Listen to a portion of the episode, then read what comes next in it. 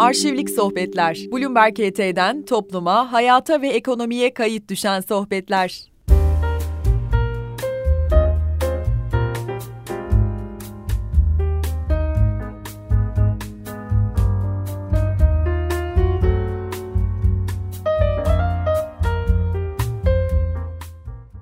Ankara doğumluyum. 1943 tam savaşın yani İkinci Dünya Savaşı'nın Türkiye'de iyice yaklaştığı bir dönemde e, doğmuşum. Şubat başı fevkalade soğuk bir hava. O kadar ki e, o zaman babam şey yedek subaylık asker yani. Dolayısıyla Ankara'da Cebeci'de askeri hastane, numune hastanesinde doğmuşum. Sabaha karşı ara, aracın benzini donduğu için araç gidememiş. Son kısmını yürüyerek gitmişler. Annemler böyle yani soğuk. Bir orta sınıf aileden e, geliyorum. Ailem gerek anne tarafım gerek baba tarafım macir, Rumeli ama hep şey kentli ve e, genellikle de devlet memuru. Dedem öğretmen, öbür dedem Çanakkale şehidi. E, tevazi bir aile. Annem öğretmen. Sonra ablam da öğretmen oldu. İşte kısmetten de öğretmen oldum zaten. Sonra Ankara'dan İstanbul'a taşındık. Ankara'dan erken döndük, 48'de döndük. Yani Ankara'da babamın savaşta tekrar askere alınan bir yedek subay. Yani yedek subay aslı asker değil fakat şeyde 2. Dünya Savaşı'nda ihtiyaç duyulan şeyleri vasıflı insan gücünü tekrar yedek subay, tekrar subay olarak geriye şey alıyorlar. Savaş bitince babamın Ankara'da işi bitti. Sonra İstanbul'a geldi. Bizim ailenin büyük bir bölümü e, Beşiktaş civarındaydı. Onlar çok Beşiktaş'a gelmemizi istediler ama Allah rahmet eylesin babam biraz böyle inatçı ve şey bir adamdı. E, o Levent'te birinci Levent'teki evlerden almak istedi.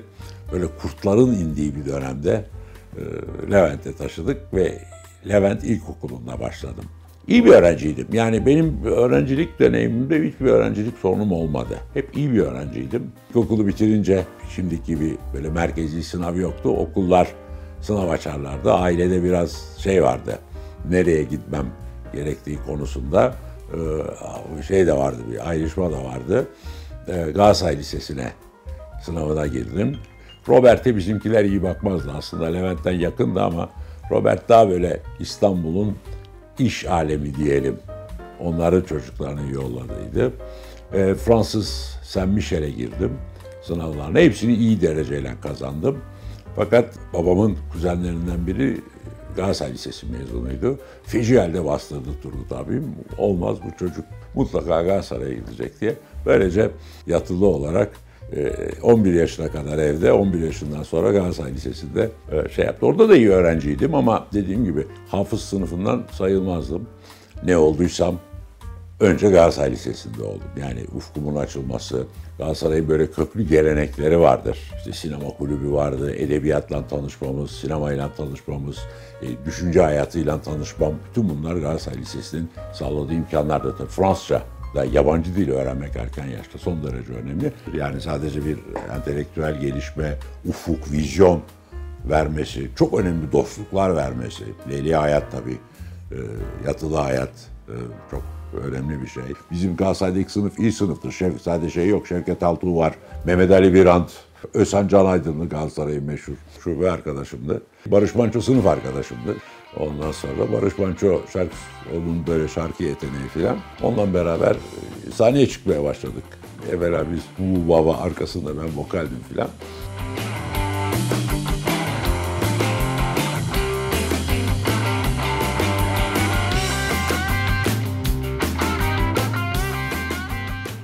hafif caza da meraklanmıştık zaten. Amerikan Kültür Merkezi'ne caz dinlemeye giderdik. Onların caz seansları vardı. Okuldan kaçınca şöyle bir sorun vardır Galatasaray'da. Okuldan kaçınca akşam dönemezsin okula. Dolayısıyla sabah döneceksin. Bu hep beraber o tepe başında küçük oteller vardır. Büyük Londra Oteli falan da onlar. Onlar otellerden birinde kalırdık. Sabahleyin de e, okula giderdik. Barış sabahleyin işkembe çorbası, çorbacısı da giderdi. Ben hiç şey yapmazdım ama bizim orkestrayla beraber. Babam ilginç bir adamdı. Çocuğun gelişmesine çok e, açık bir insandı. Liseye gider gitmez bana e, o zaman iki buçuk lira benim haftalık karşılığım vardı. Artı aldığım kitapların parasını verirdi. Kitabın yani kitapta sınırı yoktu. Kaç kitap alırsan. Abartmazdım ben de. Mesela ben müzik yapmak istedim, caz filan, saksafon istedim. Baba hemen bana saksafon aldı bir tane. Yani o zaman da e, tabii kara borsa var. Gene bir Amerikalı'dan kalan dünyanın parası. Yani o devirde neredeyse bir arsa parası filan. Böyle büyük paraydı. Bir tane saksofon aldık. Barış'ın saksafon, Barış Manço saksafoncusu oldu. Plaklarımız filan var. Ee, bizim e, dönemimizde American Film Service, AFS diye bir hizmet vardı. Yani Türkiye'den lise öğrencileri son sınıf okumak üzere şeye yollanırdı. Amerika'ya bir yıllığına bir ailenin yanında oturulur filan. Onun da sınavı vardı. İşte o sınavı da kazandık. Babam çok destek oldu. Yani benim gitmem için çok istedi. Çok büyük çaba gösterdi. Ve e, 1960 sonbaharında 17 yaşında Los Angeles'te Redondo Beach diye bir yere gidip Redondo Beach'te e, liseyi okuyup lise diploması aldım. E, 17 yaşında Amerika'yı görmek e, Türkiye açısından e, çok büyük bir vizyon açıcı, ufuk açıcı bir olay. Şimdi şöyle şöyle özetleyeyim. İstanbul'da işte gittiğimde bir tane radyo var. İstanbul Radyosu. Ankara Radyosu uzun dalgadan yayın yapıyor ama ona yani o kadar şeyi yok. O da sabahleyin işte 6'da galiba İstanbul Radyosu İstiklal Marşı'yla başlıyor. Gece de 12'de İstiklal Marşı'yla kapanıyor. İstanbul'da 5000 tane otomobil var. Ee, ondan sonra şimdi ben Los Angeles'e gittim. Radyo sayısını kimse bilmiyor. 13 tane de televizyon kanalı var. 2,5 milyon da otomobil var. Yani başka bir dünya böyle şey açıcı. Dönüşte lise diplomam vardı. 61'de döndüğümde. Yani doğrudan üniversiteye girebilirdim. Galatasaray o zaman bütün liseler 11 iken 12 idi. Ben dolayısıyla Galatasaray'da 11. sınıf okumuştum. Ee, şöyle bir Hasan'da beraber, Hasan Akbay'la beraber gitmiştik. Yani ne yapalım biz? E, normal olarak bir sene kazanırız. Biz Hasan'la düşündük ya bu kadar şey yaptık, emeğimiz var Galatasaray'a. Bir Galatasaray diplomamız olsun ne olacak bir senenin yani. Aramızda işte sonradan bir senenin de kıymet harbiyeti hayatta bir sene genç başlamışız. E zaten bir sene de hazırlık okumuştuk. iki sene. Ne olacak iki sene dedik. Oturduk geldik burada. Güzel güzel Galatasaray'da. Hasan Fer'e gitti. Ben edebiyata gittim. Ee, Galatasaray Lisesi'ni e, okudum.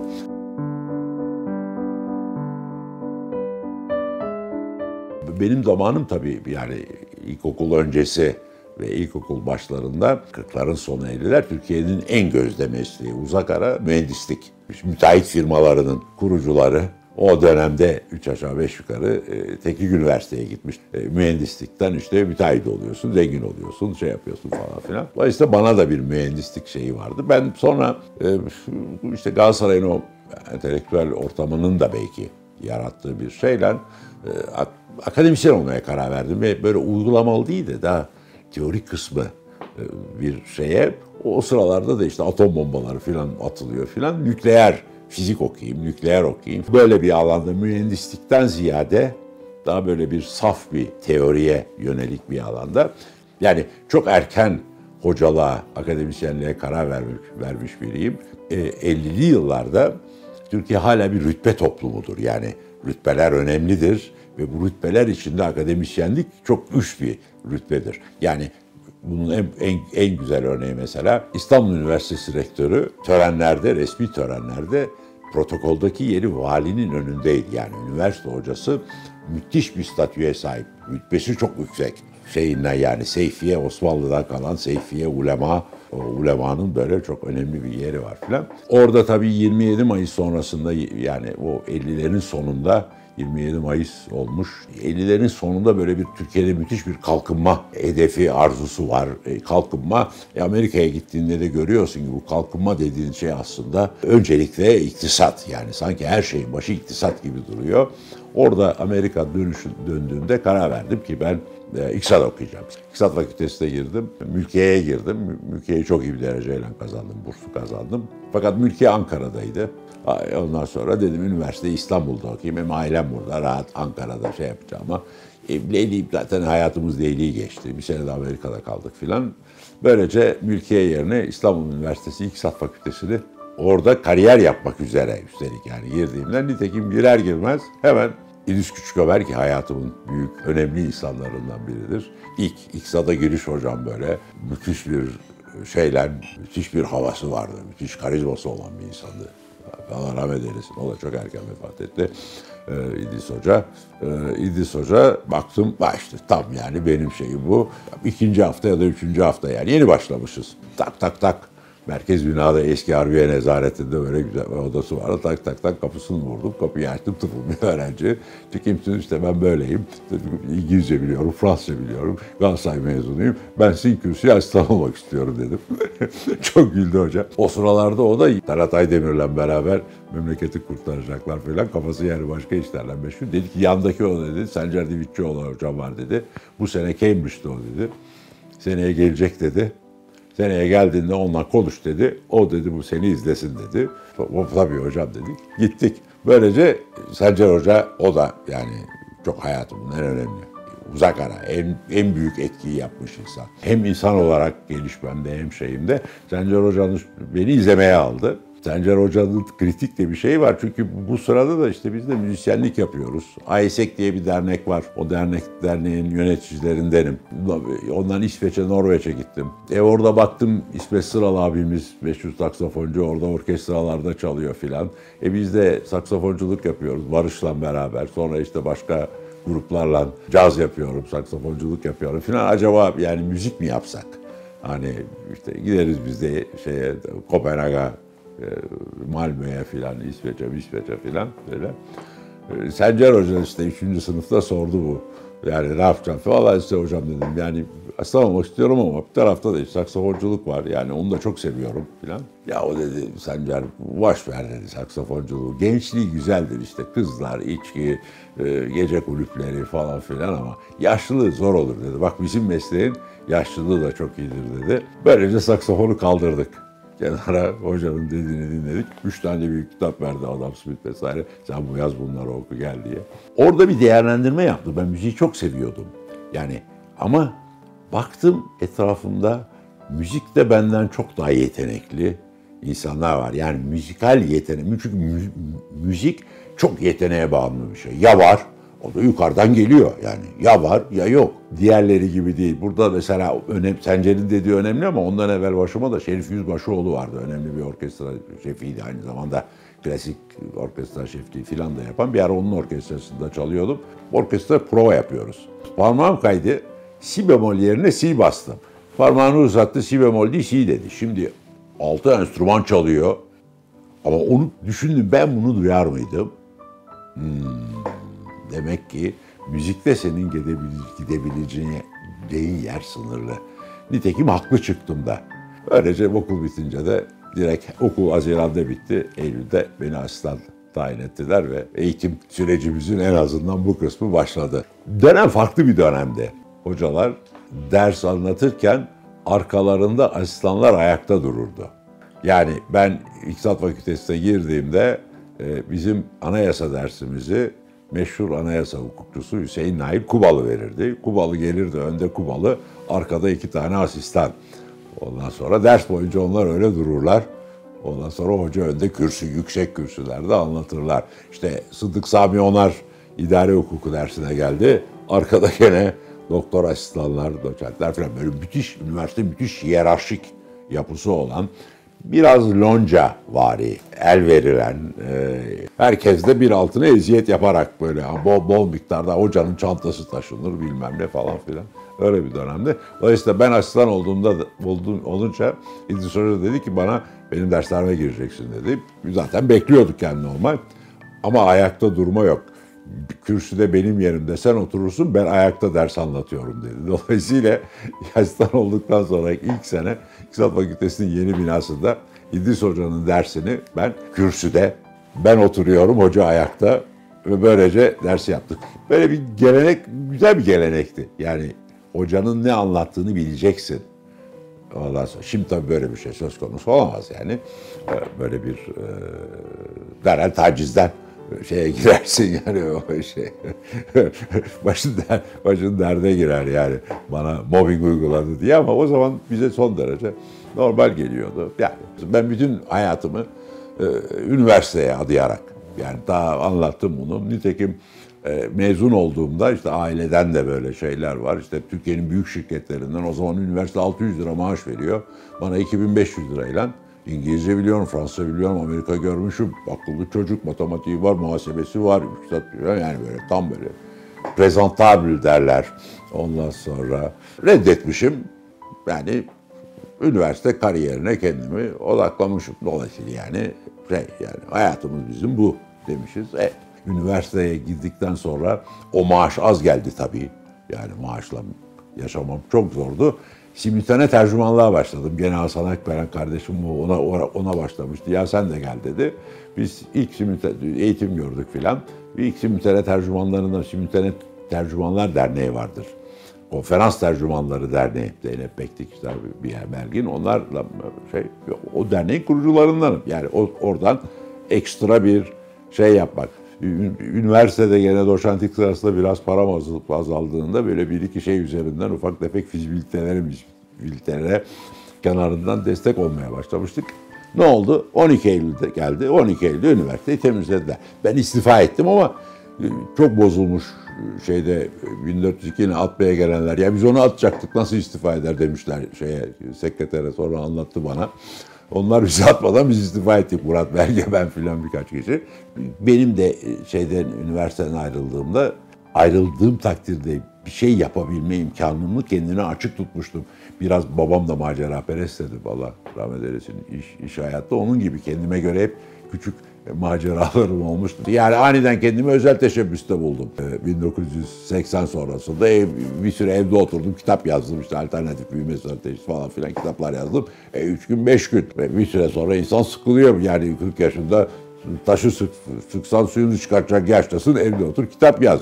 E, para da yok. Onun için mecburen iş hayatına girdik. Onun için e, işte o da bir kırılma noktasıydı bir çok başarılı oldum söylenemez. Yani bir para kazanmadık değil ama onları sonra kaybettik. İyi bir yönetici miydim çok emin değilim. Çünkü sonra siyaset deneyim de onu gösterdi. O arada üniversiteden öncesinde siyaset hep dışarıdan ilgilenen biriydim. Şeyden sonra 12 Eylül'den sonra üniversiteden ayrılınca ya bir siyaset miyaset falan işte Erdal İnönü geldi. SODEP'e kurucu olur musun dedi. Dedik ki o zaman ya bu Kenan Evren'e gidecek veto yiyeceğiz filan onun için. Zaten arası iyi değil bizden onu biliyoruz. Ondan sonra olmadık ama sonra SODEP'le ilgilendim. Sonra SHP'yle ilgilendim. Sonra o, o şey oldu işte yeni, yeni demokrasi hareketini kurduk. Kadıköy'den birinci e, bölgeden aday oldum. E, binde beş oy aldık. Onun getirdiği bir rahatlık var. Arada sırada böyle yani toplumla ilgili sorunları düşünen, tartışan insanlara vatandaş ya niye siyasete girmiyorsun der. E, benim orada çok büyük rahatım. Girdim kardeşim oy vermediniz. Ne ilgili yani. Yo, verseydin o zaman. Kaç, verdim mi oy vermedi. E tamam ne söylüyorsun şimdi? Girdim mi? Ben girdim. Birinci dereceden aday oldum mu? Oldum. Sen oy verdin mi? Vermedin. Verseydin binde beşte kalmazdı. Binde beş dediğin 1500 kişi zaten hepsinin ismi soyadını ben de biliyorum yani kimin oy verdiğini, kaç kişi vermiş oy. Siyasete bir iki böyle müdahale arayışım böyle siyasete doğrudan ya da dolaylı müdahale. 70'lerin sonunda mesela Ecevit hükümetinden evvel e, e, doğru dürüst bir iktisat politikası uygulanması için çaba gösterdik çok. O, o süreçte artık orada söyleyecek lafım olmadığına karar vermiştim. Dolayısıyla 80 yani 70'lerin sonuna 80'lerin başına geldiğinde yavaş yavaş iktisat politikasına yani güncel iktisada dönmeye, Türkiye ekonomisine ve güncel iktisada dönmeye başlamıştım. Üniversiteden ayrılınca o cuk oturdu. İlgim şeye döndü. Yani iktisat politikası sorunlarına ağırlık vermeye başladım. Kim işte 94'te Sabah gazetesinde e, köşe yazısı, ekonomi köşe yazıları yazmaya başladım.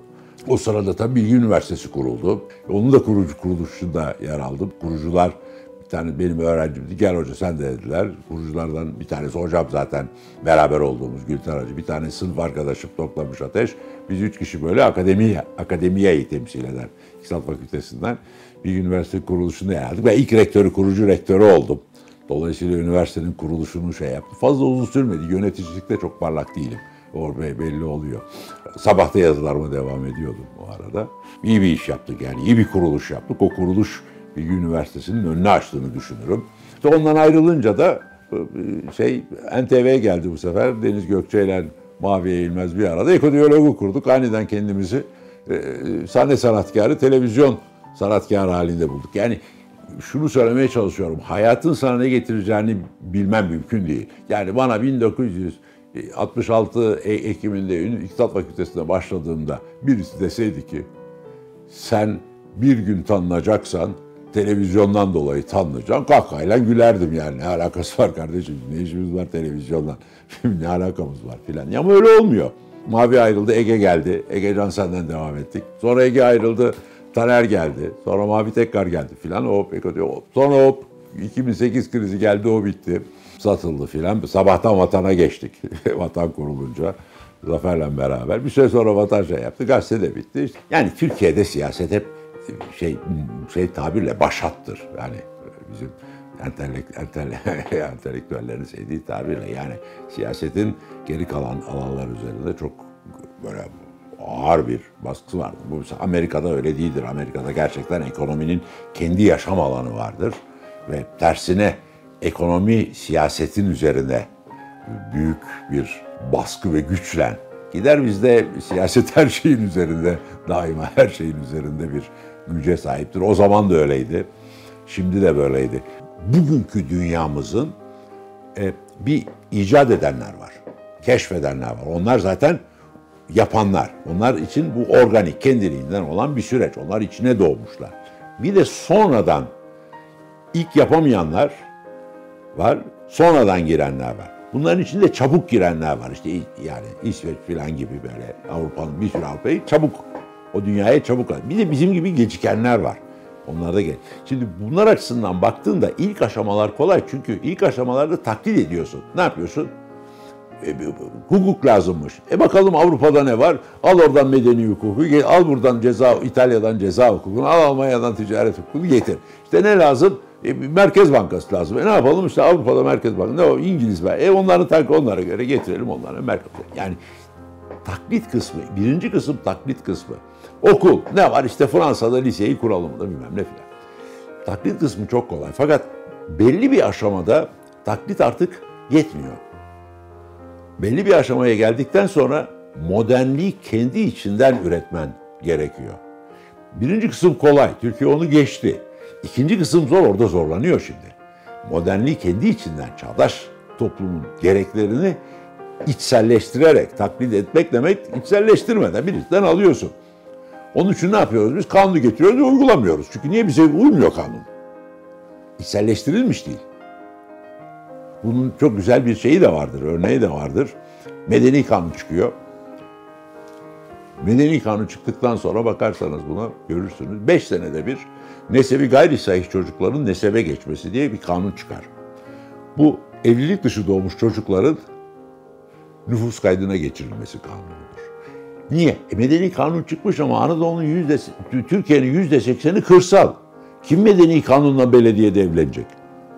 Eski usul evleniyorlar. Ama eski usul evlenince miras sorunu çıkıyor.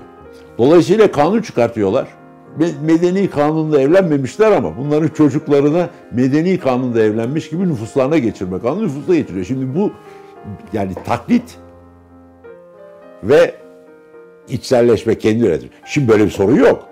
Ne oluyor sonra? Şartlar değişiyor, kurallar içselleşiyor ve şey yapıyor. Şimdi böyle bir soruna ihtiyaç kalmıyor şimdi. Dolayısıyla şimdi Türkiye'nin gelmiş olduğu yer modernliği artık kendi üretmek zorunda. Biz artık dışarıdan ceza hukuku, işte kadın bilmem nesinde, işte öbür hikayede şunda bunda o imkanı kaybettik. Şimdi biz Türkiye'ye uygun bir ceza hukuku, Türkiye'ye uyumlu bir merkez bankası. İşte yapamadığımız ortada. Taklidi kolay oldu. Bir merkez bankası getirdik ama bizim bünyemize uymadı. Hemen çıktı ortaya. Ne oldu? şey, kanun değişti, görevden almaya başladı bilmem ne. Yani şimdi onu öğrenme aşamasına geldi. O tabii kolay olmuyor. Biraz sopayla oluyor. Yani hatalar yapıyorsun. Taklitte hata olmuyor. Yap, adam yapmış, denemiş, beğenmişsin, yanmışsın, getirmişsin onu getiriyorsun. Orada uyumsuzluk sorunu çıkıyor. Burada sen yaptığın zaman işte bunu en, en iyi göreceğimiz yerlerden biri eskiden çok basitti bizim eğitim sistemi. Fransa'dan almışız. Eğitimde her sene reform yapıyoruz. Her sene reform ne demek? Yapmadık demek. Reform ciddi bir şeydir. Yaparsan en az 10 sene, 15 sene kalır. Ertesi sene değiştiriyorsan demek ki değiştiremedin. Şimdi işte kendimize uyanları yapmaya çalışıyoruz. Yani bu dönemin zorluğu tabiri caizse işte modernliği Türkiye artık dışarıdan taklitten getirebilmek zorunda değil. Kendi bünyesinden uygun bir modernliği, hukuki yapıyı, normları, zihniyetleri, alaki değerleri üretmek zorunda. Modern toplumu taşıyacak. onları üretmesinde sırasında işte bir takım hatalar yapıyor, yapmaya devam ediyor. Çünkü başka yolu yok. El yordamıyla gittiği için. O arada bir iki şanssızlık da olursa işte bugünkü yere hızla gelirsin.